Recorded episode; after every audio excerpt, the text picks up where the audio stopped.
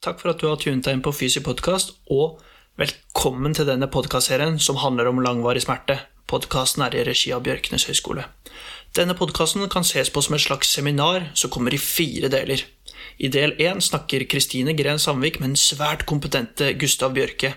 Episoden handler om hvordan man tar en fullstendig, god anamnese, og tips og triks til hvordan man kan kommunisere godt med pasienten. I del to, også med Kristine og Gustav, så er tematikken orientert rundt begrepet smerte og hvordan man kan gjøre en god klinisk undersøkelse. Del tre, dette er en helt unik episode. Praten med er med en av pasientene til Gustav, som har vært plaget med vedvarende smerter i lang tid. I denne episoden anvendes prinsippene som er snakket om i del 1 og del 2, og vi får høre hvordan kommunikasjonen under en konsultasjon høres ut. I den fjerde og siste delen snakker Fredrik Sjøberg med den dyktige psykologen Henrik Børsting Jacobsen om medikamentbruk, menneskets biologi og fysiologi sett i perspektiv til en langvarig smerteproblematikk, prinsipper for behandling og en beskrivelse av en pasienthistorie der resultatet endte i smertefrihet.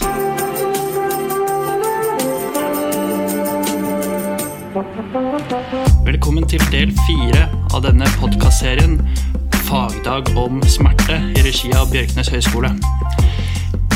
I dag så sitter jeg her med Henrik, og vi skal prate litt om eh, medisinsk uforklarlige smerter. Stemmer det, Henrik? Det stemmer bra, det. Eh... Veldig bra. Kan ikke du starte litt med å introdusere deg selv for våre kjære lyttere? Jo. Jeg er altså eh, psykologspesialist. Det vil si at jeg først har eh, gått psykologi i profesjon, og så har jeg fem år klinisk praksis. Og spesialiteten min ligger innenfor helsepsykologi, da, primært for smerte. Så jeg de siste eh, ti årene, eller i ca. ti år, så har jeg jobba eh, på både St. Olavs hospital i Trondheim og i, på OUS i, i, Oslo, på Ullevål, med kroniske eller langvarige smerter. da. Vi prøver jo å unngå terminologien kronisk smerte, fordi det impliserer jo at du ikke kan bli bedre, men, men eh, det er jo det som folk flest kaller det, da. Mm. Så smerteavdelinga, avdelinga for smertebehandling, den tar, tar, seg av både pasienter som har levd med smerte i mange år, men er også da støtte for andre kliniske funksjoner. F.eks. hvis du havner på operasjon, eh, og så har du en rekonvalens etter operasjonen, så er vi inne og rådgir hva du bør gjøre og hva du ikke bør gjøre. Og så har vi hele spekteret fram til de som har utbredte muskelsmerter, sånn som det som kalles fibromyalgi. og Folk som har. Eh, skader i nervesystemet som ikke går over og sånn, og jobber og, og, prøver å gjøre hverdagen og livet til folk bedre, da. Ja, et ganske bredt spekter uh, av, ja. av, pasienter, skjønner jeg. Ja, jeg, jeg må bruke anledningen til å, til å, skryte litt av det. Det er faktisk Nordens største smertesenter. Da. Og det innebærer at vi driver med forskning, eh, fagutvikling og behandling da, av smertepasienter. Hmm. Men eh, sånn eh, for å gå litt inn på hva, hva, er det, hva, er en vanlig behandling? Eh, jeg skjønner kanskje ikke at man kan trekke alle under én kam, men hva er det man gjør med langvarige smertepasienter? Sånn, kan du si noe om det, eller? Ja, altså det, det, tenker jeg Vi kan jo begynne med, med det at vi har en rekke forskjellige eh, ulike smertetilstander som mm. Eh, har ulikt opphav eller årsak. Og eh, det du kan si, er at, at den vanligste behandlinga som smertepasienter får, er jo piller. Medisiner. Mm.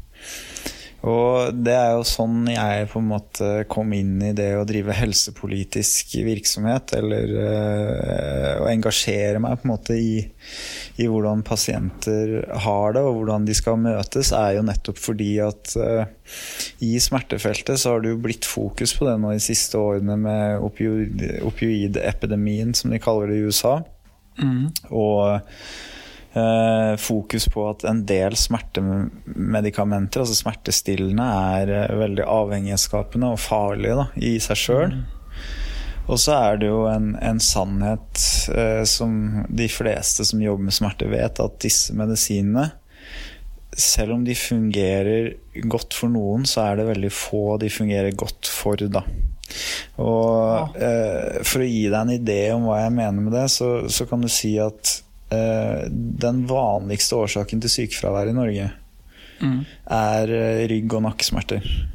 Det, det, det representerer ca. halvparten av alle som er langtidssykemeldte i Norge. Såpass, ja.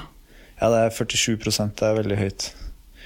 Og så er det, er det sånn at det, det er den klart mest vanlige smerten. Mm. Og hos 90% av de som opplever en ryggsmerte, så vil det gå over. Men den siste 10 da, den, den blir langvarig Mm. og, og veldig problematisk. Og det gjør ofte at du ikke får til å jobbe, du, det går utover partneren din.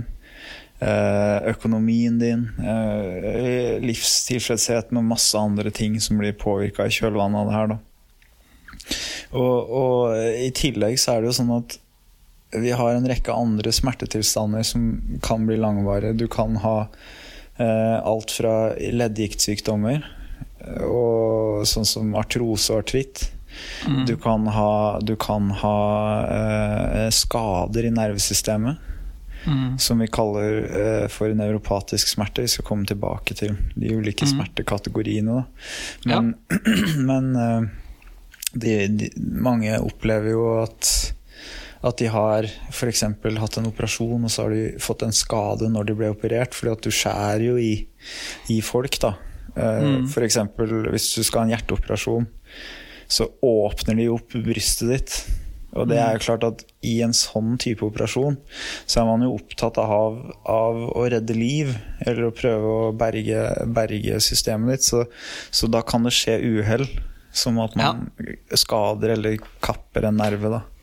Og det kan gi deg veldig sterke smerter. I tillegg så kan du ha slag. Det er veldig vanlig i, i Norge. Og da kan man få skader i hjernen, og, og, og, og det kan også øh, gi skader eh, i, i øhm, systemet ditt, altså i det vi kaller sentralnervesystemet, ryggmargen i hjernen, som kan gi sentrale nevropatiske smerter. Mm. Og så kan du ha, ha andre typer skader, som amputasjoner og sånn, som også gir eh, nervesmerter.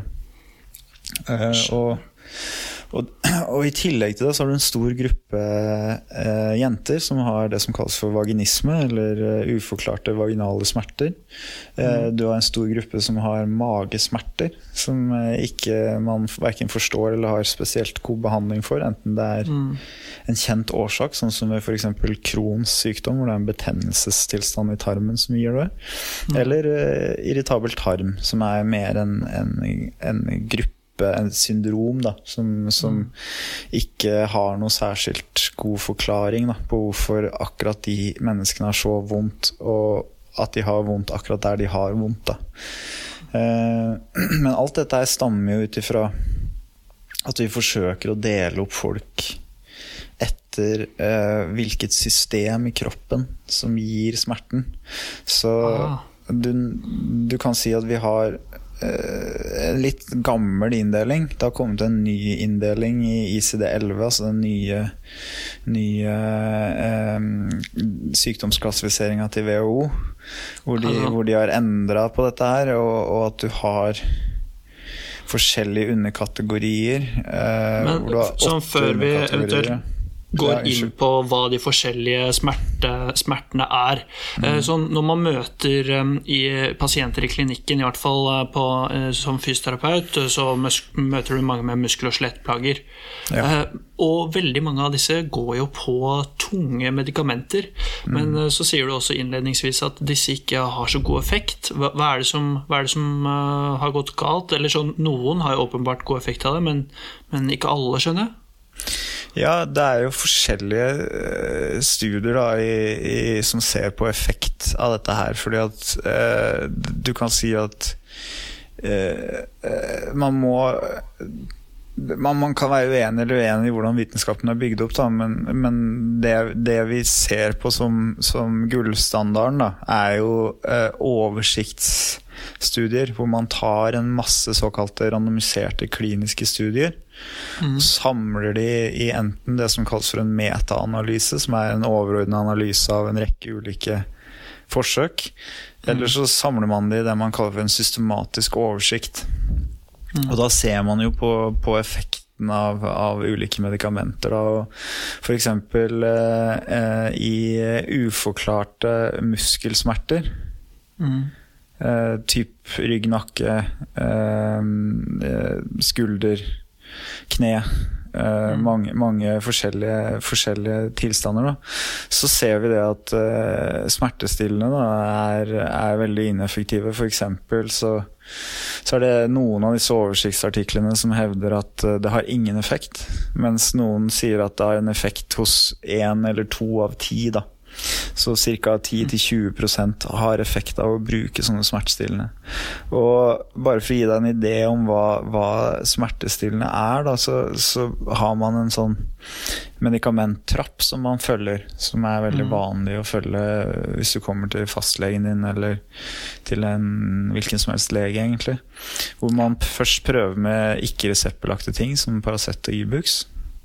Mm. Og så trapper man opp et steg i, i, i trappa, da, rett og slett. Mm. Ja, ja. Og går over i, i, det som kalles for kodeinpreparater, da, eller, eller eh, antidepressiva er også brukt noen ganger, men vanligst er jo kodeinpreparater som Paragin forte og tramadol.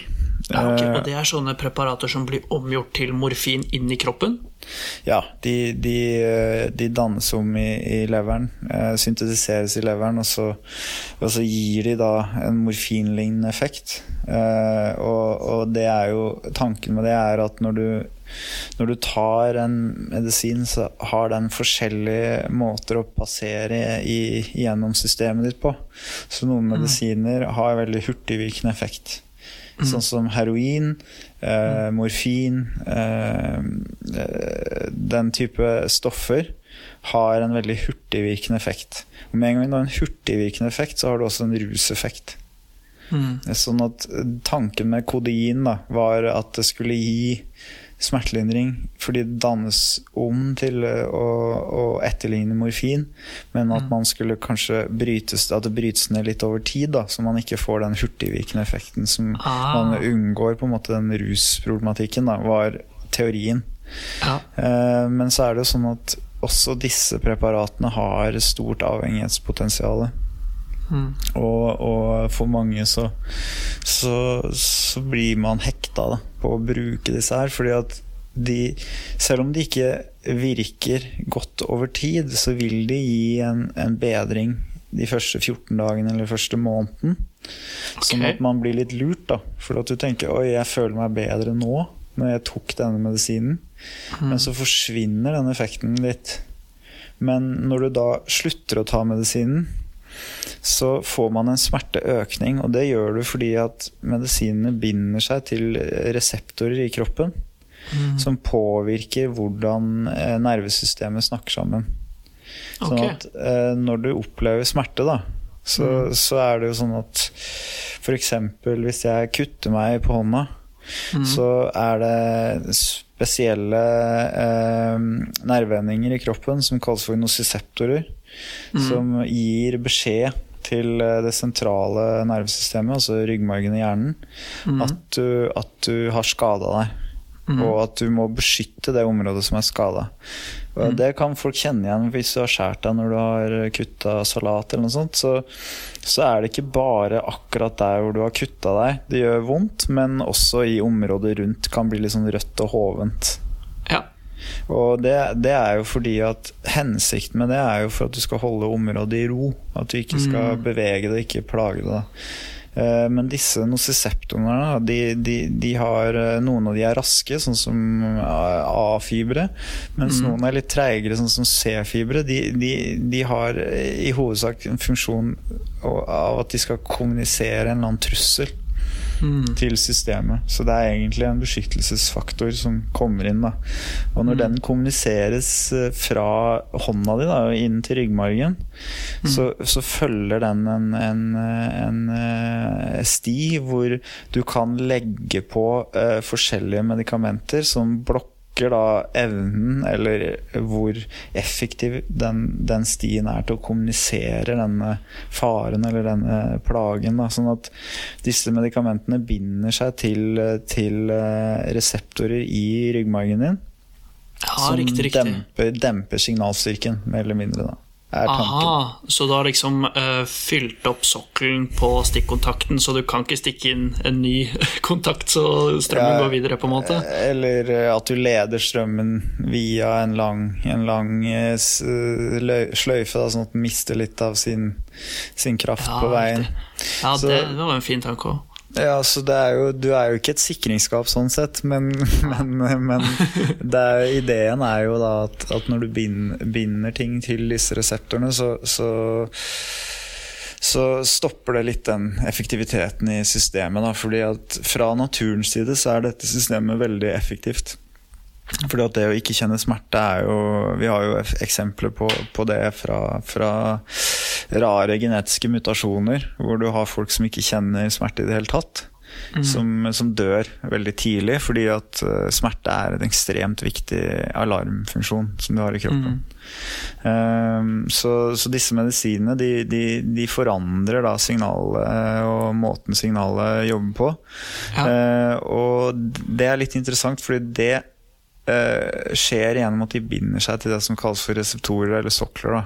Og, men det kroppen gjør når den opplever at disse reseptorene blir forandra, det er at den forsøker å, å, å korrigere. For det, okay. fordi at uh, i kroppen vår så er, er vi ekstremt opptatt av, av balanse. Ja. Det vil du merke f.eks. Uh, hvis du har sovet for lite, eller hvis du er sulten eller tørst. Så sier kroppen ifra.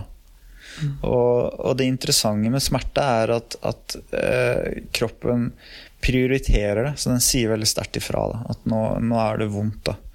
Og når du blokkerer disse reseptorene, så, så fungerer det en kort periode, men så begynner kroppen å, å, å lete etter eh, sin balanse igjen, og da, da vil den gjøre mottiltak da, for å kompensere for at disse reseptorene er, er slått av. Så Ja, den, den vil etter hvert eh, eh, begynne å produsere enten flere reseptorer eller forandre måten signalet prosesseres på for å, for å møte denne balansen igjen. Det er akkurat som når du tar et glass vann når du er tørst, så, så kommer du tilbake til balansen igjen.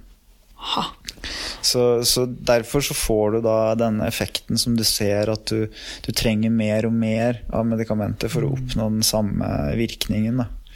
Ah, jeg skjønner. Ja, og, og det er jo også da med på å skape avhengighetspotensial eller avhengighetsrisikoen da, som du, du har i noen av disse stoffene. Da. Ja, og det er jo sikkert en eh, stor ballast å få oppå det hele i tillegg, da. Hvis du er plaget med mye smerter, og så i tillegg så skal du på avvenning da, av medikamenter du har brukt i mange år.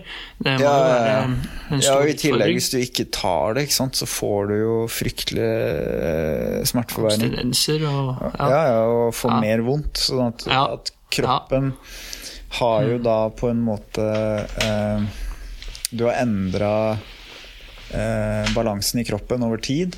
Så når du da tar det bort, så blir plutselig alle de mottrekkene som kroppen har brukt for å komme i balanse igjen, de blir da plutselig veldig åpne og sårbare. Så da skriker jo de etter å få påfyll. Og da Ja. får du både obstinenser og, og, og smerteforverring. Har du noe sånn erfaring over hvor lang tid det cirka tar før liksom den smerteforverringen blir bedre enn, og, og folk liksom greier å regulere seg? Fordi det må jo være en, en, eh, en trinnvis prosess eh, for mange, i hvert fall. Ja, det, det du kan si at når du skal vende av eh, medikamentbruk, så er det veldig viktig å gjøre det sakte. Det er på en måte den beste, beste eh, tiltaket imot eh, medikamentbruk. Da. Så du, du kan f.eks. tenke deg at eh, du må trappe ned over, eh, over en måned, halvannen. Men eh, hvis du sånn rent fysiologisk, så kan man slutte eh, helt plutselig, selv om det ikke er anbefalt fordi at du får så sterke motreaksjoner. Men hvis du slutter helt plutselig, så, så sier man at kroppen etter en, to uker, en måned, vil, vil vende tilbake til, til eh, den gamle balansen. Da. Men eh, det er jo ikke anbefalt fordi at motreaksjonen blir så sterk at eh, Ja. du klarer ikke måte, å, å takle det så godt. da. Mm. Men ja, så det, disse medikamentene er jo i prinsippet take home messagen der er jo at de, for noen så fungerer de veldig bra, og for noen mm. så fungerer de Eller for de aller fleste så fungerer de ikke bra. Mm. Og det som er interessant, og det gjelder både i de tilstandene hvor vi vet veldig sikkert at uh, det, dette er årsaken til hvorfor du har vondt. Mm. Da F.eks. hvis du har kutta en nerve eller skada en nerve, så vet vi at det er årsaken til at du har vondt. Men fortsatt så vil bare én av syv ha effekt av, eh, av de beste medikamentene for den type smerte, da, som, som, eh, er type lyrika og, og neurontin, som er, eh, er pregabalin og uh, gavapentin, som er på en måte utvikla for å behandle den type smerte. Til og med de sånn. medikamentene fungerer veldig ofte ikke for, for uh, folk som har uh, langvarige smerter. Da. Så i det store og det hele så har vi ikke så gode behandlingsmetoder for, for langvarig smerte. Disse alle... medikamentene du nevnte nå, var det sånn spesifikke for eh, nervesmerter, eller var det generelt? Ja, det lang... ja. ja de brukes Altså, det er forskjellige klasser. Jeg er jo ikke ja. anestesilege eller smertelege, så jeg er jo ikke jeg er kanskje ikke en riktig person til å uttale meg sånn bastant om hva slags medisiner som, som virker uh, best, men er, jeg kommer liksom fra den forskersida, og så har jeg jo veldig lang erfaring med, med, med pasienter, så jeg er en slags halvstudert røver, da. Og det du kan si, er at, at uh, de, de, de, i de aller fleste tilfellene så virker de ikke så veldig bra på, mm. på smertene du har, og, og det er veldig frustrerende både for legen og fysioterapeuten og psykologen at ikke pasientene får god smertelindring. Det er veldig, veldig, veldig frustrerende. Og det er også litt av bakgrunnen til at mange ikke vil jobbe med smerter. Fordi mm. at uh, vi har så dårlige behandlingstilbud. Sånn at uh, folk blir veldig frustrerte og redde og, og skremte av at folk har så vondt. Da. Men uh, det er eh, sånn eh, Hvis du får inn en pasient i klinikken, da, og eh, denne pasienten du opplever at den går på veldig mye sterke smertemedikamenter, hva, hva liksom tenker du sånn umiddelbart? Hvordan presenterer man det her for legen da, at, å ta den praten om at skal vi se på medisinlista? Fordi det, jo, det, kan, jo, det kan jo hende at det er en nødvendig prat å, å ta da, med legen.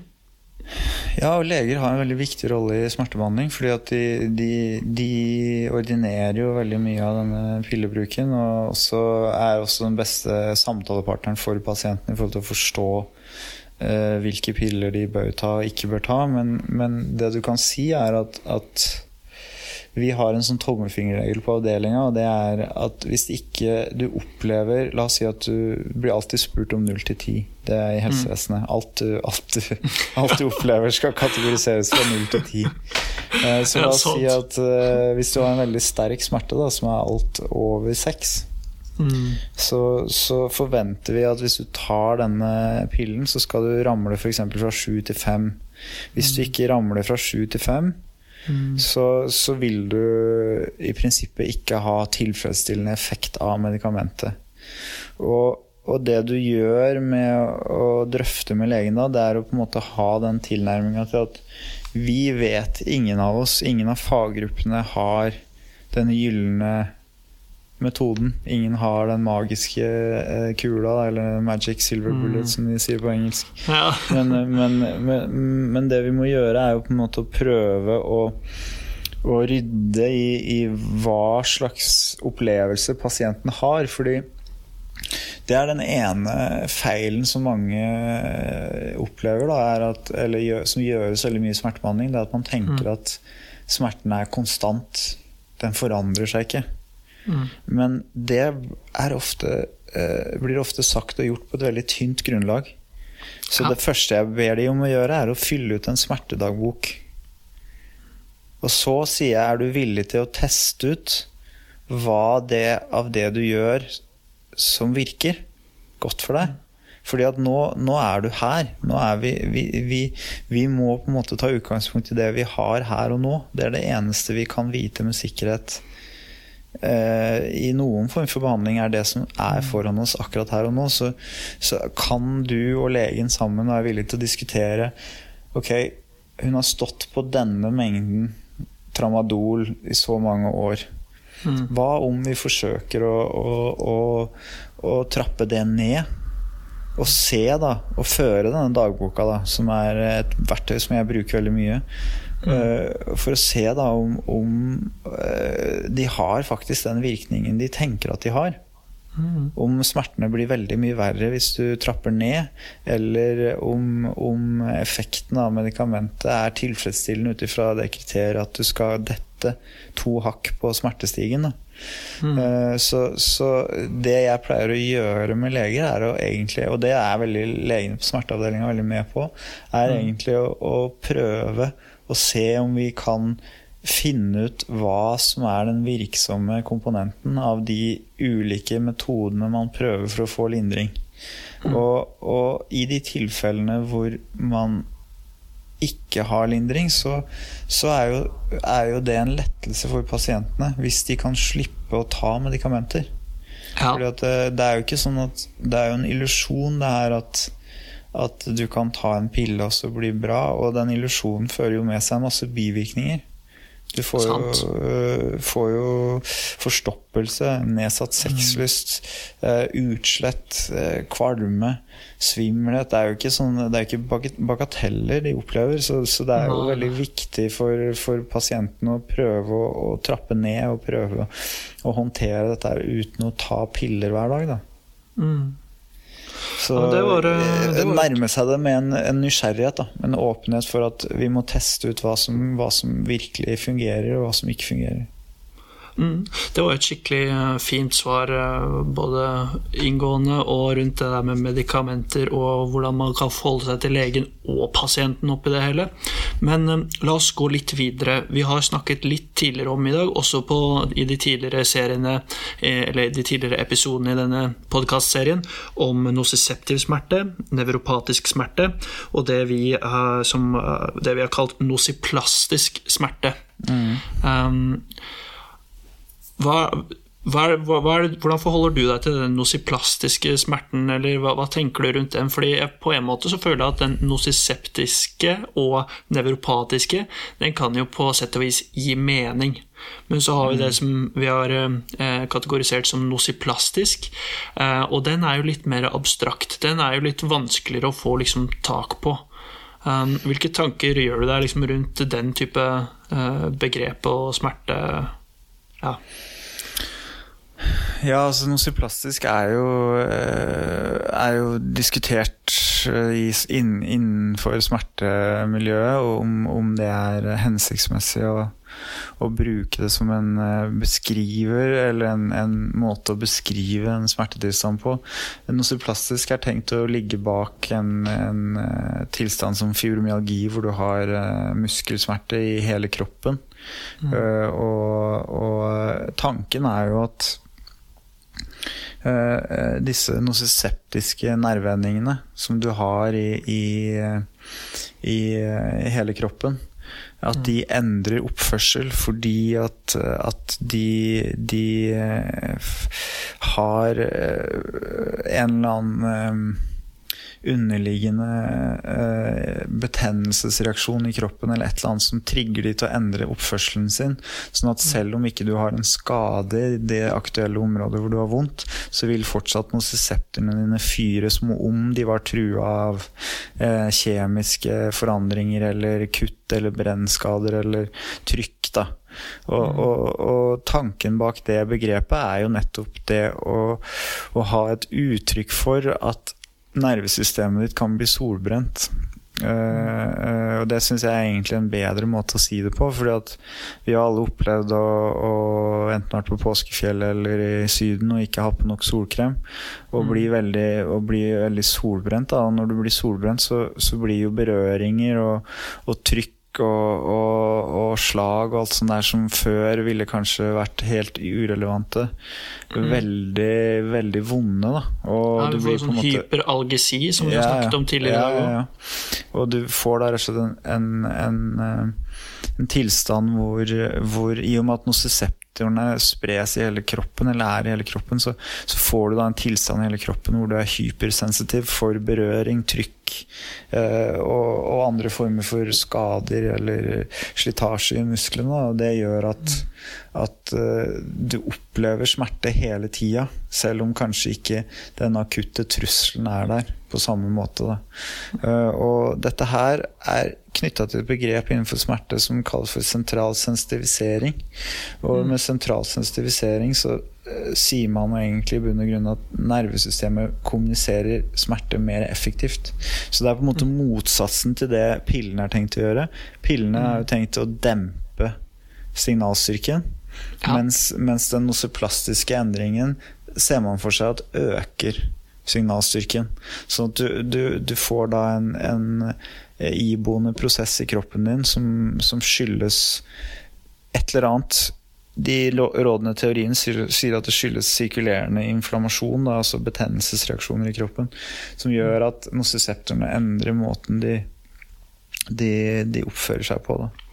Ja, og når du liksom da snakker om at nosiseptorene endrer hvordan de oppfører seg, eller eh, hvordan de leverer beskjeder, så, så, er det liksom svært relevant i forhold til denne langvarige smerten. Og Også gjerne etter at eh, vi har en sånn tommelfingerregel at sånn etter tre måneder så har stort sett alt vev i kroppen grodd. Eh, mm. Kanskje hvis du har nervevev eh, og sånn, så tar det litt lengre tid, men i utgangspunktet så etter en viss tid så skal ting ha grodd. da, og på et sett nociceptiv stimuli ikke gå i en konstant flow lenger. Mm. Men uh, så er det liksom Skjønner jeg det rett da? Hvis det er, det er her, her, det har skjedd et eller annet um, rart i nervesystemet. Men, men igjen er det, andre, er det, andre, ting som også påvirker det, eller er det kun denne nociceptive, uh, falsk positive strømmen som kommer oppover, som, som fyrer det hele opp? Ja, det er jo et veldig godt spørsmål. fordi jeg tenker jo um, i, i, For å si noe om, om uh, hvordan smerten reiser i kroppen, da, så kan man jo si det at uh, Jeg vet ikke om dere har dere vært innom det i de tidligere episodene? Altså at dere har tatt for dere hvordan nervesystemet kommuniserer smerte fra, fra A til Å? Nei, det har vi ikke. Nei, for det du, det du, kan si, er jo på en måte at i kroppen så har vi et, et, system som har evolvert over millioner av år, hvor, hvor en noseseptor fyrer. Mm. Vi bruker nå det, da. Du kan, du kan, si det samme om en nevropatisk smerte, da, men la oss bruke nosisepsjon, da, fordi det er det ja. mest vanlige. Mm. Det kan jeg også si at, at uh, det å ha medisinsk uforklart smerte er det absolutt mest vanlige. Mm. Skal vi en, eh, Fredrik, skal vi ta en kort digresjon om det, bare så folk har det klart for seg? Noen tall? Ja, la oss gjøre det. Ja. jeg har jo vært med miljøet i Trondheim, er veldig flinke på dette. her, Og de har jo det som kalles for Helseundersøkelsen i Nord-Trøndelag, eller HUNT. Mm. Eh, hvor vi har fått penger til å gjøre en studie som heter Smertehunt. Da. Som er da at vi har samla røftlig 5000 mennesker. Mm. Eh, og sett på hvordan de eh, eh rapporterer smerte. da og det interessante er at av de 5000 menneskene, så, så vil så og så mange, ca. 30 da, si at de har langvarig smerte. Og da, det man da har gjort, er å trekke ut et utvalg av de som sier de har smerte, som er helt tilfeldig. Hvor man endte opp på ca. 600 mennesker, eller 560 mennesker. 540, 560, jeg husker ikke akkurat, men der omkring. Og mm. da er det en gruppe da, som heter, ja, som heter Astrid Woodhouse, Petter Borchgrevink eh, med flere. Da, en gruppe i Trondheim som har undersøkt disse veldig grundig. Eh, de, de 560 menneskene som man trakk ut. da tilfeldig ja. fra den store potten. Ja. Og det man finner, da, er at 80% av de Altså Husk på dette òg, ikke folk som var i helsevesenet, det var bare befolkningsstudie. Randome ja. mennesker i Nord-Trøndelag 80% av de som deltok på den kliniske undersøkelsen, havna i kategorien uh, medisinsk uforklart. Altså at man ikke fant en klar underliggende årsak. Så dette er den store andelen, åtte av ti som har langvarige smerter, havner i den kategorien. Hva sier du? Så mye? Ja, det er kjempe, kjempetall. Så det er veldig, veldig, veldig vanlig å ikke ha en, en forklart årsak til hvorfor, mm. hvorfor du har så vondt. da. Og så må du hjelpe meg tilbake igjen, da. Men da er det jo, ikke sant, når du da ser på nosesepsjon, da. Mm. Så, så er det, kommuniseres jo det F.eks. hvis du slår deg på fingeren når du hamrer en spiker, så får du den raske, eh, skarpe smerten som er A-fibre, A-deltafibre, som kommuniserer. Og så får du et, etter en kanskje vet ikke, hva skal vi si, 10-15 sekunder. En sånn dulmende, dunkende smerte da, som er disse C-fiberkommunikasjonen fra noseseptorene. Ja. Og, og det som skjer da, det, det reiser da fra eh, periferien din, så er du kobla sammen som et sikringsskap, da, mer eller mindre, inn til eh, det sentrale, som er da selve sikringsboksen, som vi kaller da for eh, det bakhornet, eller det dorsale hornet i ryggmargen, hvor, du, hvor du har en, en nervebunt i ryggen som, som da sender dette signalet gjennom såkalte projeksjonsnevroner, altså lange nevroner, opp til talamus, som er da sentralborddama i hjernen. Og den, og den sentralborddama den sjekker da med en rekke ulike hjernestrukturer. Hva er det jeg har erfart tidligere? Mm. Hva er det som skjer i kroppen min nå? Hvor er det? Hvordan relaterer det seg til andre deler av kroppen? Og så sjekker han hva sier synsinformasjonen min, hva sier hørselsinformasjonen min, hva sier alle andre sensoriske modaliteter jeg har tilgjengelig, andre sanser. Hva, si, hva forteller de meg om det jeg opplever? Og hvis de sansene og din tidligere erfaring sier fare, Mm. da slås eh, viktigheten av signalet opp. Sånn at du oppleves som at du får mer vondt. Ja. Men hvis signalene sier 'ikke fare' eller 'ikke farlig', da slås signalene ned. Mm. Og et klassisk eksempel på dette her er jo en sånn eh, type uh, hendelse som at uh, du går på Du holder på å vandre rundt på enten en nedlagt byggeplass eller en gammel garasje, og, sånt, og så tråkker du på en spiker. Og så kan du jo oppleve at du får enorm smerte i foten helt til du ser at spikeren ikke penetrerte eh, skoa er sånn klassisk eksempel som man bruker. Ellers er det det klassiske eksempelet om at man går i skogen og, og ser en huggorm, eh, og så fem minutter senere så stikker det i foten, og så får du fryktelig vondt helt til du ser at det er en gren da, som traff deg, ikke en huggorm. Så det er, det, er, på en måte masse sånne folkelige eksempler på hvordan hjernen fungerer som en gitarforsterker. Den slår enten opp smerten eller ned. Ja. ja, det er det- eh, interessant. Ja, og det gjør den gjennom eh, det vi kaller for nedadgående styring, som foregår gjennom hjernestammen. hjernestammen. Hvor man da har nevroner som går ned igjen til mm. dorsalhornet, eller bakhornet, som kan skru opp eller ned eh, signalstyrken. Og det her gjør jo at, at uh, veldig mye av fokuset har ligget på å stoppe kommunikasjonen inn. Når du gir en pille, så prøver du på en måte å stoppe kommunikasjonen inn. Eller endre kommunikasjonen i sentralnervesystemet. Eh, Men det som er kanskje den, den store elefanten i rommet, det er at veldig mye avgjøres av om hjernen opplever dette som farlig eller ikke. Ja. Og det er det som er eh, kanskje min inngangsport inn i, i smertefaget. Det er nettopp det å prøve å forstå hvordan tolker du fare og ikke i de situasjonene. Og det du kan si at når smerten har vart over tid, så blir det mindre relevant hva som forårsaker den i utgangspunktet. Eh, akkurat som du sier, så vil de fleste skader gro av seg sjøl innen tre måneder. Men veldig ofte så er det ikke sånn. Eh, også hvis du f.eks. skader en nerve, så er ikke det tilfellet. Mm. Men, men allikevel, da, så er det vist gang på gang at jo lengre unna i tid du kommer den årsaken, altså det som i utgangspunktet gjorde at du fikk vondt, jo viktigere blir andre faktorer som kan signalisere fare. Og med det så mener jeg eh, depresjon, f.eks. Det å, å ikke ha troa på framtida, ikke ha troa på seg sjøl, ikke ha troa på at ting skal gå bra. Det er en form for fare, ikke sant. I tillegg så er det det å, å ha dårlig økonomi. Det å ikke ha jobb, det å ha dårlig råd. Det er en form for fare. Og så I tillegg så har du det å, å være engstelig, som er veldig vanlig i smerte. Veldig mange smertepasienter har mye angst. Det er også, også en, et faresignal. Og det er faktisk sånn at det å ha mye angst for smertetilstanden din, er det kanskje en av de viktigste prediktorene, altså viktigste eh, faktorene som avgjør om du får langvarig smerte eller ikke.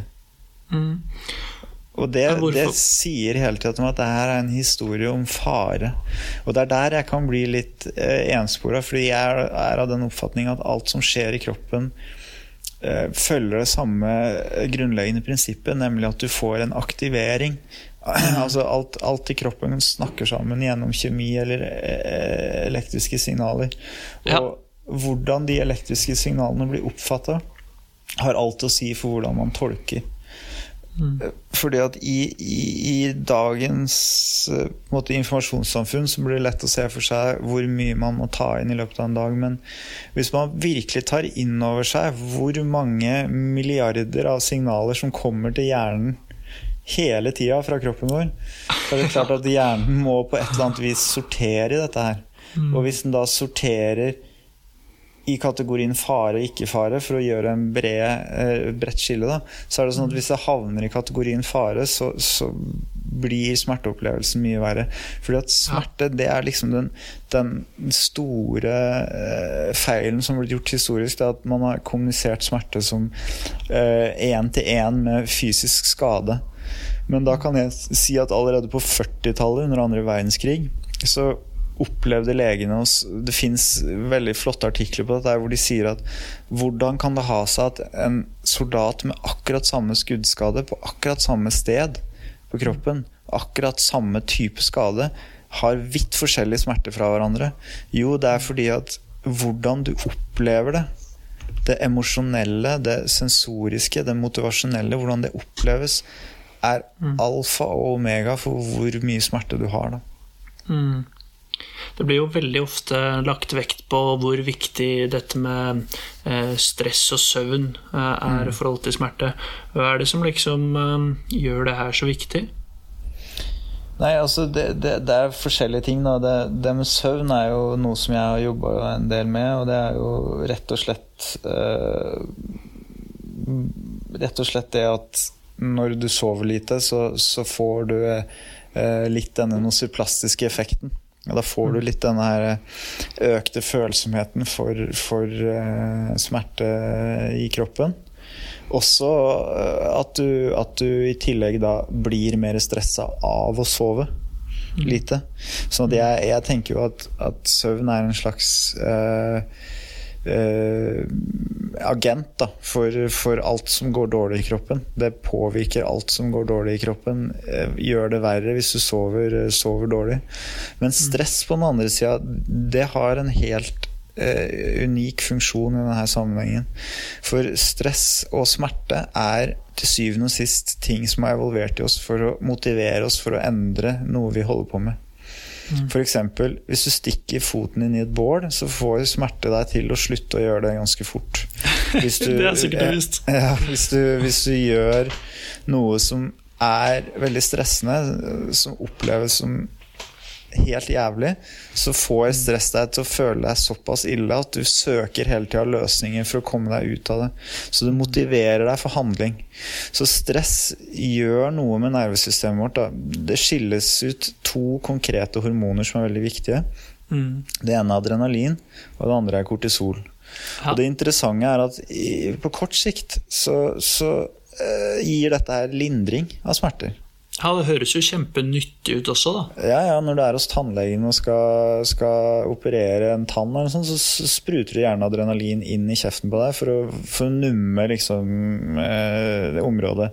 Ja. Og, det, og, det, og, det, er jo det som er så fascinerende med stress, at det, har, det, har, det kan være bra, mm. sånn som på kort sikt, men så kan det også være giftig og skadelig. Og mm. det som skjer, er at hele, hele effekten av stress avgjør om du klarer å slå det av eller ikke.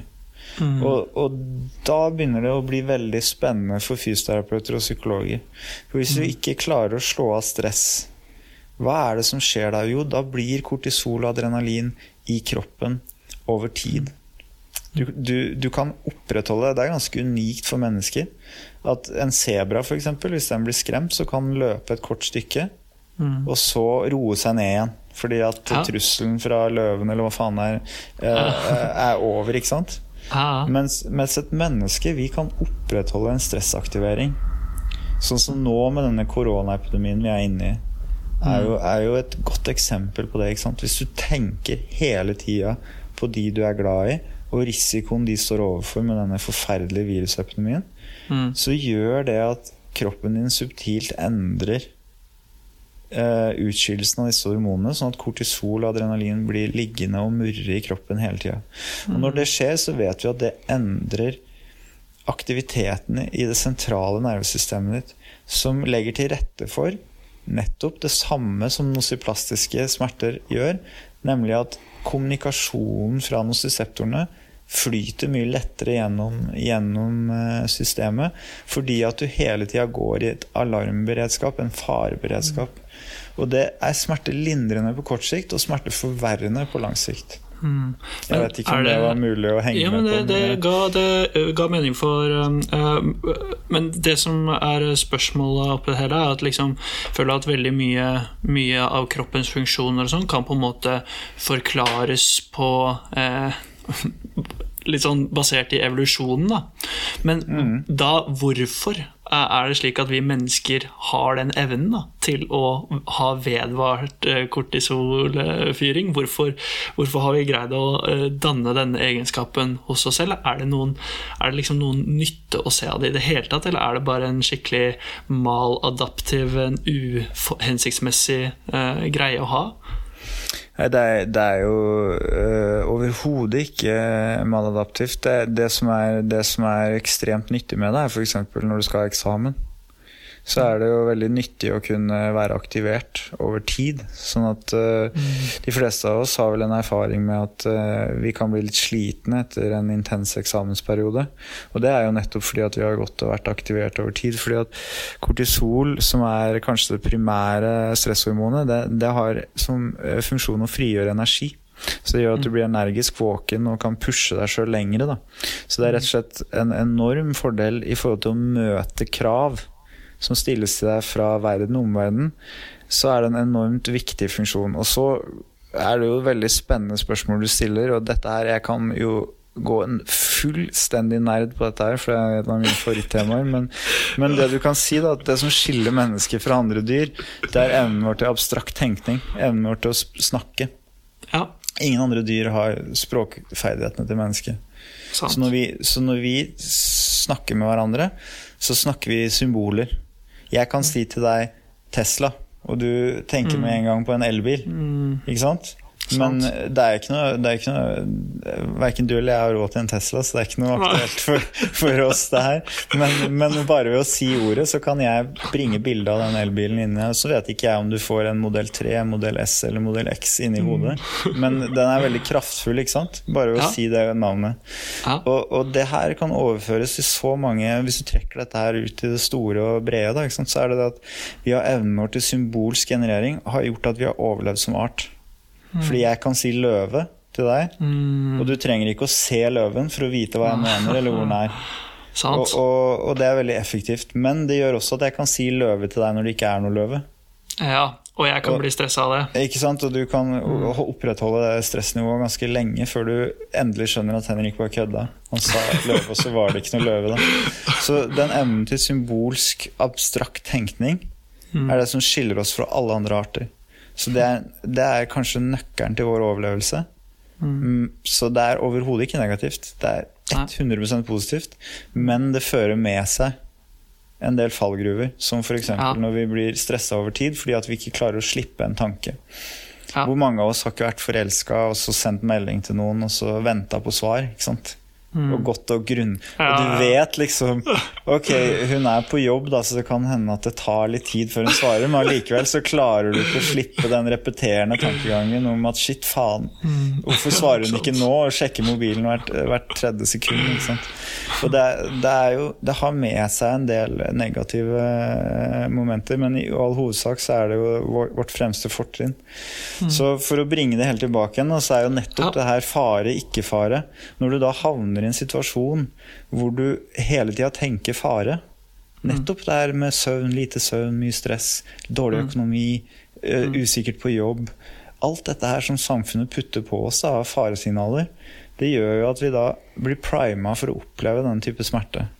Så enten forandringene skjer ute i kroppen eller inne i sentralnervesystemet, så er det uten tvil et element av denne fare, farehåndteringa som driver eh, utviklingen av det vi kaller medisinsk uforklarte symptomer. Da. Og hvis du ser på oversikter av, av eh, hvordan eh, disse negative effektene kan arte seg hos mennesker, så ser vi at hvis du putter en person i en negativ kontekst, men en negativ forventning om at de klarer å håndtere det La oss si f.eks.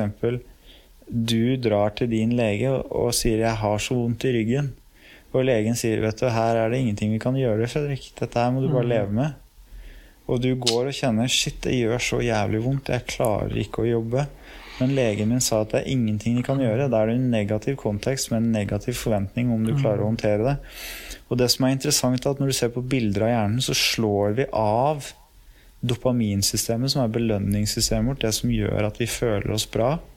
Og som gjør at vi føler oss nysgjerrige, og som gjør at vi føler oss årvåkne og til stede. Du slår av eh, eh, faktisk evnen din til å ta og nyttiggjøre deg av medisiner gjennom, gjennom opioidreseptorer. Du øker det som kalles for CCKB agonister, som er et stoff som binder seg til sentralnervesystemet, som gjør at smertestillingen vil ikke fungere like bra. Og du setter i gang disse kortisol- og adrenalinresponsene veldig effektivt. Så du kan si at all form for fortolkning gjennom språk og erfaring som signaliserer fare, er med på å prime deg for å oppleve smerte. Så når du har gått med smerte over tid, så tror jeg, og mange med meg, at det er disse prosessene som overtar. Mm. Årsaken, selve skaden, er ikke lenger det som driver det. Det er disse prosessene, om du tenker fare eller ikke fare i ditt eget liv. Mm.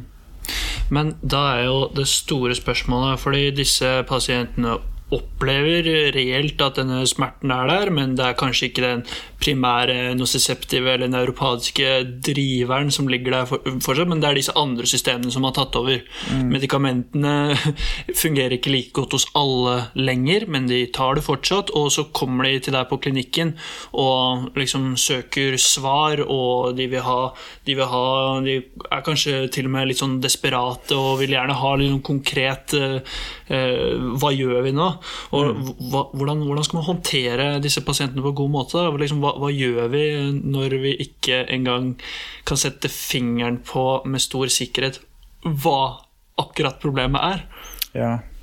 Jeg tror der, Nettopp derfor så er det så ekstremt viktig å drive med individualisert smertebehandling. Du må finne ut La oss si at, at, at Stian kommer til meg på klinikken og har eh, nakke- og ryggsmerter som han har hatt mm. i ti år. Mm. Han går på tramadol, han, går på, på, han har brukt Oxycontin, som er den store stygge ulven, mm. i en periode nå. Han ser at bruken øker.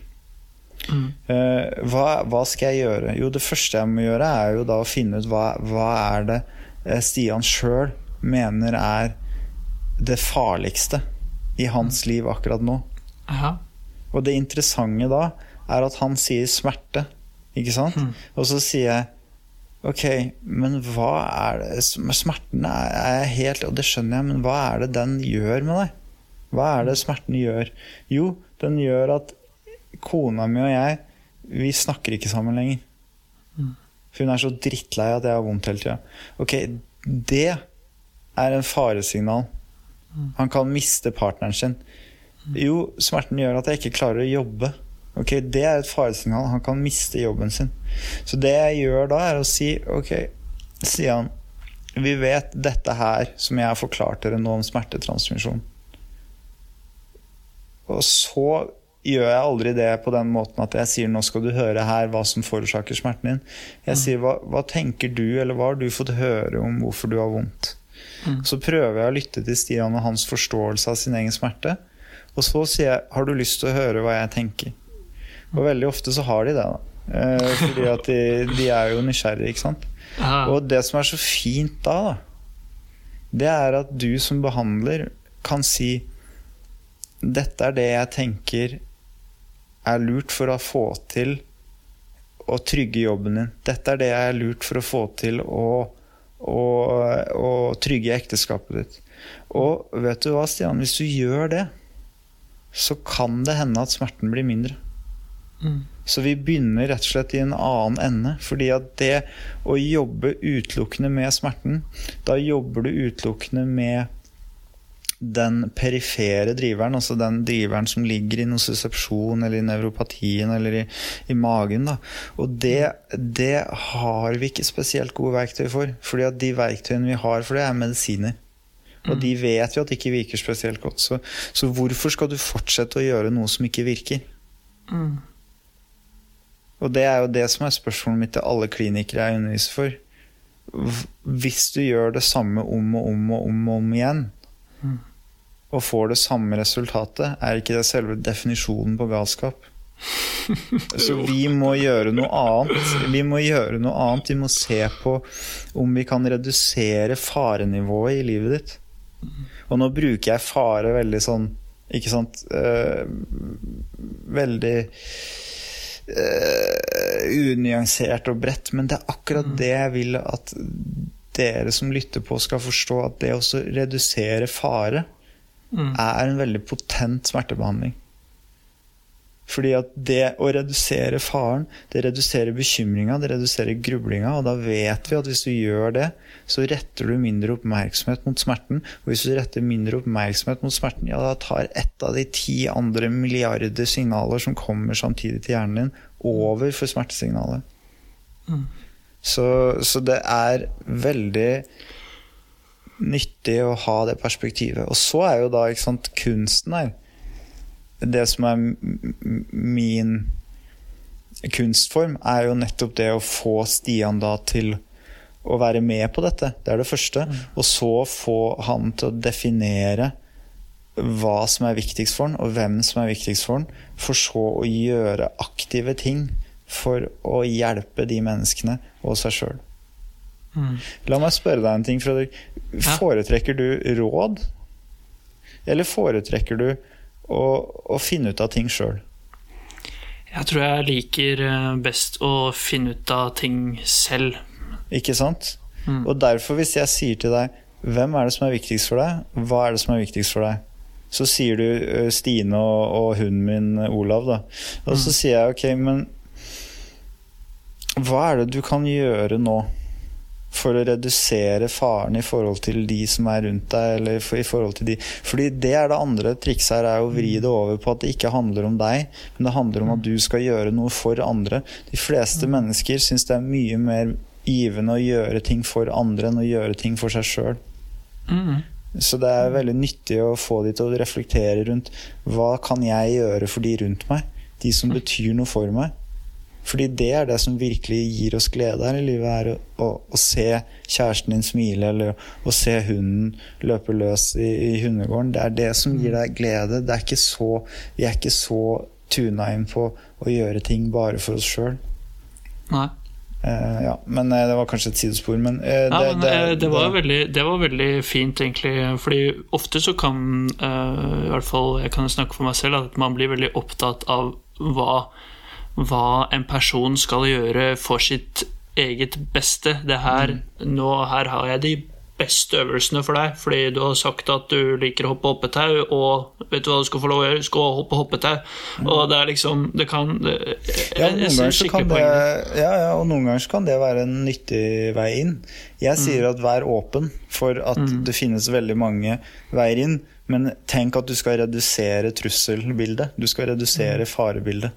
Og, og, og veldig ofte så er det ikke nyttig å gå via eh, periferien via nociceptorene, men nyttig å gå via andre elementer av fare i livet som kanskje er lettere å gjøre noe med, da, i og med at vi ikke har så gode virkemidler for å gjøre noe med nocicepsjonen. Mm. Men som fysioterapeut så har du jo fysisk aktivitet. Da. Det er jo veldig viktig. Og det er jo egentlig en av de suksesshistoriene eller de suksesshistoriene jeg har, er jo bygd på også en, et element av fysisk aktivitet.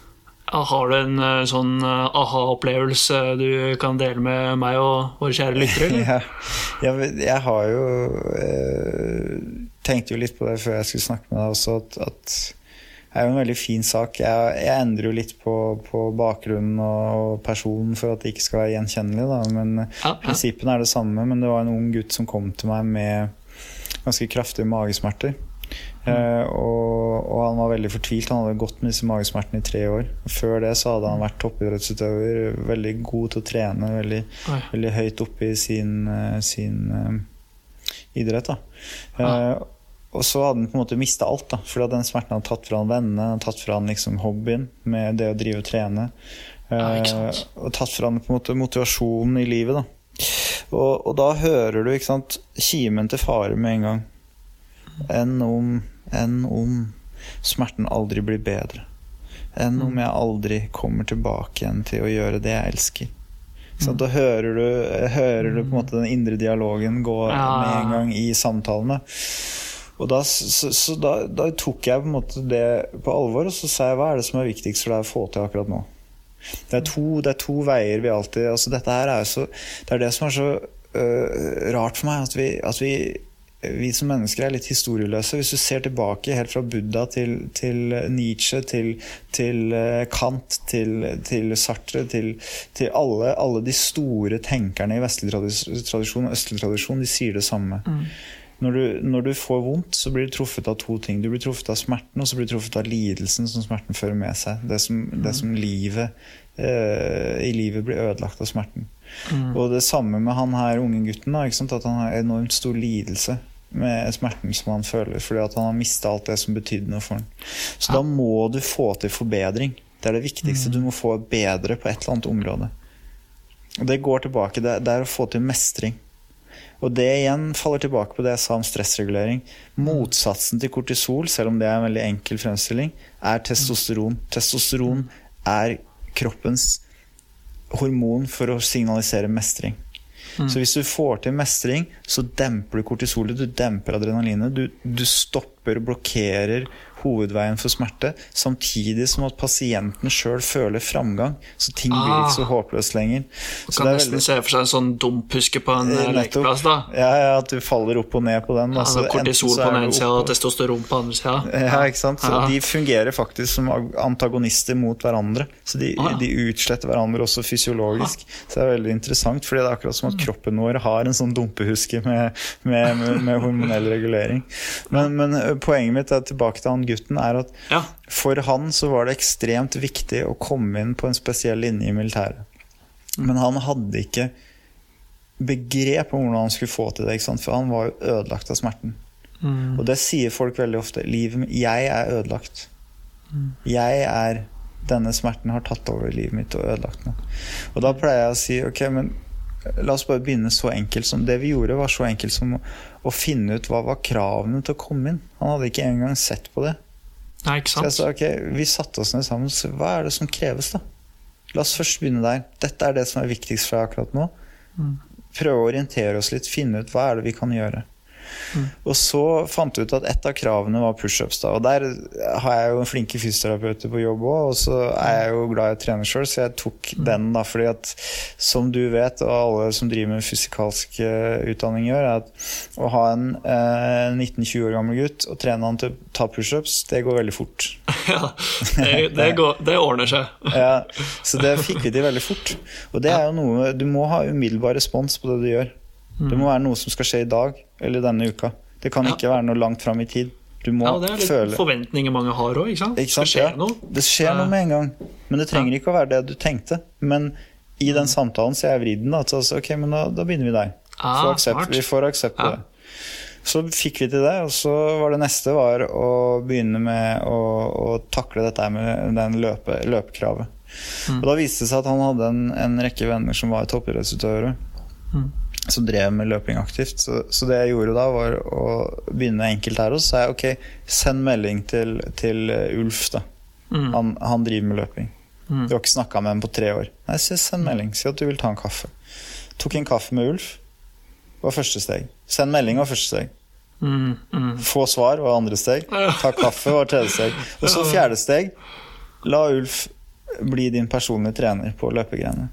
Så etter hvert så fikk vi til det òg, at han begynte å øve seg på løpet. Og da begynte vi med å gå fem-ti minutter. Helt ja. fram til å løpe 3000 meter, og så bygde vi på fortere og fortere. Da, gradvis opptrening hele veien. Veldig forsiktig. Ja. Uh, og det jeg kan si, er, er at uh, på slutten av vårt behandlingsløp så kom han mm. inn på den linja i militæret. Og Nei, dro, til, ja, ja, dro til, eh, til Nord-Norge for å gjøre det. Og nå er dette her er jo mange år siden. Eh, men eh, nå, eh, bare for et år siden, så kom han på besøk i Oslo. På vår avdeling for å oppsøke meg. Wow. Bare for å fortelle hvor mye det har betydd for han å begynne med, med fem pushups om dagen. ja, fy søren. Ja, jeg får helt frysninger av det. Det er jo ja, ja. så meningsfullt. Smertefri. Smertefri. Ja, smertefri. Og det Rått. får du noen ganger med unger. Ungdommer. Det får du noen ganger til med dem. Det er verre med de 70 år gamle eh, pensjonistene, men ja. med ungdommer så har jeg flere som har mm. blitt smertefri. Og med unge voksne samme greia. Flere som har blitt smertefri. Så det er to ting som er viktig. Det er stressredusering og fremgang. Ja. Hvis du ja. får til de to tingene, gjerne i kombinasjon, da lykkes du veldig ofte med disse smertene. Utrolig spennende og kjenner jeg kunne egentlig prata med deg en evighet, men denne podkasten må jo komme til en ende en gang også. Det er sikkert de som hører på, syns det. Ja. Når skal denne smertedag-seminaret være over? Ja. ja. Men um, Veldig bra. Eh, hvis eh, det er noen av lytterne våre som har lyst til å liksom, eh, grave seg enda mer ned i smerte og lese Du har skrevet bok, har du ikke det? Jo da, jeg har en bok som heter eh, 'Gjengangerne', som er, eh, er, er um, mulig å kjøpe. Den er jo en veldig sånn lettfattelig forklaring av alt det jeg har snakka om nå, står egentlig i det. Og ikke bare det, den tar for seg stress og søvn også, så den anbefaler jeg til alle. Den, mm. Gjengangerne? Den, gjengangerne, og den er jo mm. da heter da stress, smerter og søvn, fordi det er de tre gjengangerne i helsevesenet. Ah. Så det er det som er ah. tanken. Ah. Eh, og så vil jeg anbefale alle å bruke smerte Smerteportalen på Facebook. Det er jo en fysioterapeut, manuellterapeut, som driver den, som er veldig flink.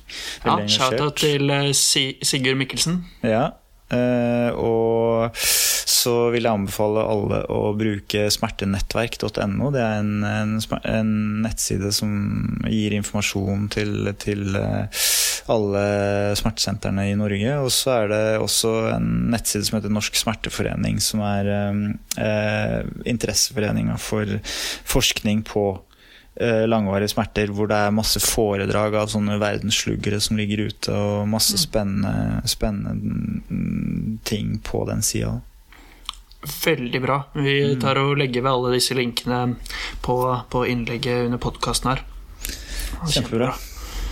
Ja, tusen takk for uh, praten, Henrik. Det var veldig interessant og, og, gøy å prate med deg. I like måte. Ok, da takker vi for oss uh, i dag. Og takk for at du hørte på. Ha det godt. Da var denne episoden kommet til sin slutt. Ønsker du å finne fram litteraturen, artikler eller lenker som er referert til i denne podkasten? Du finner det på fysi.no under innlegget til denne episoden. Og hvis du har lyst, så følg oss gjerne på sosiale medier. Du finner oss under Fysi på Instagram og Facebook.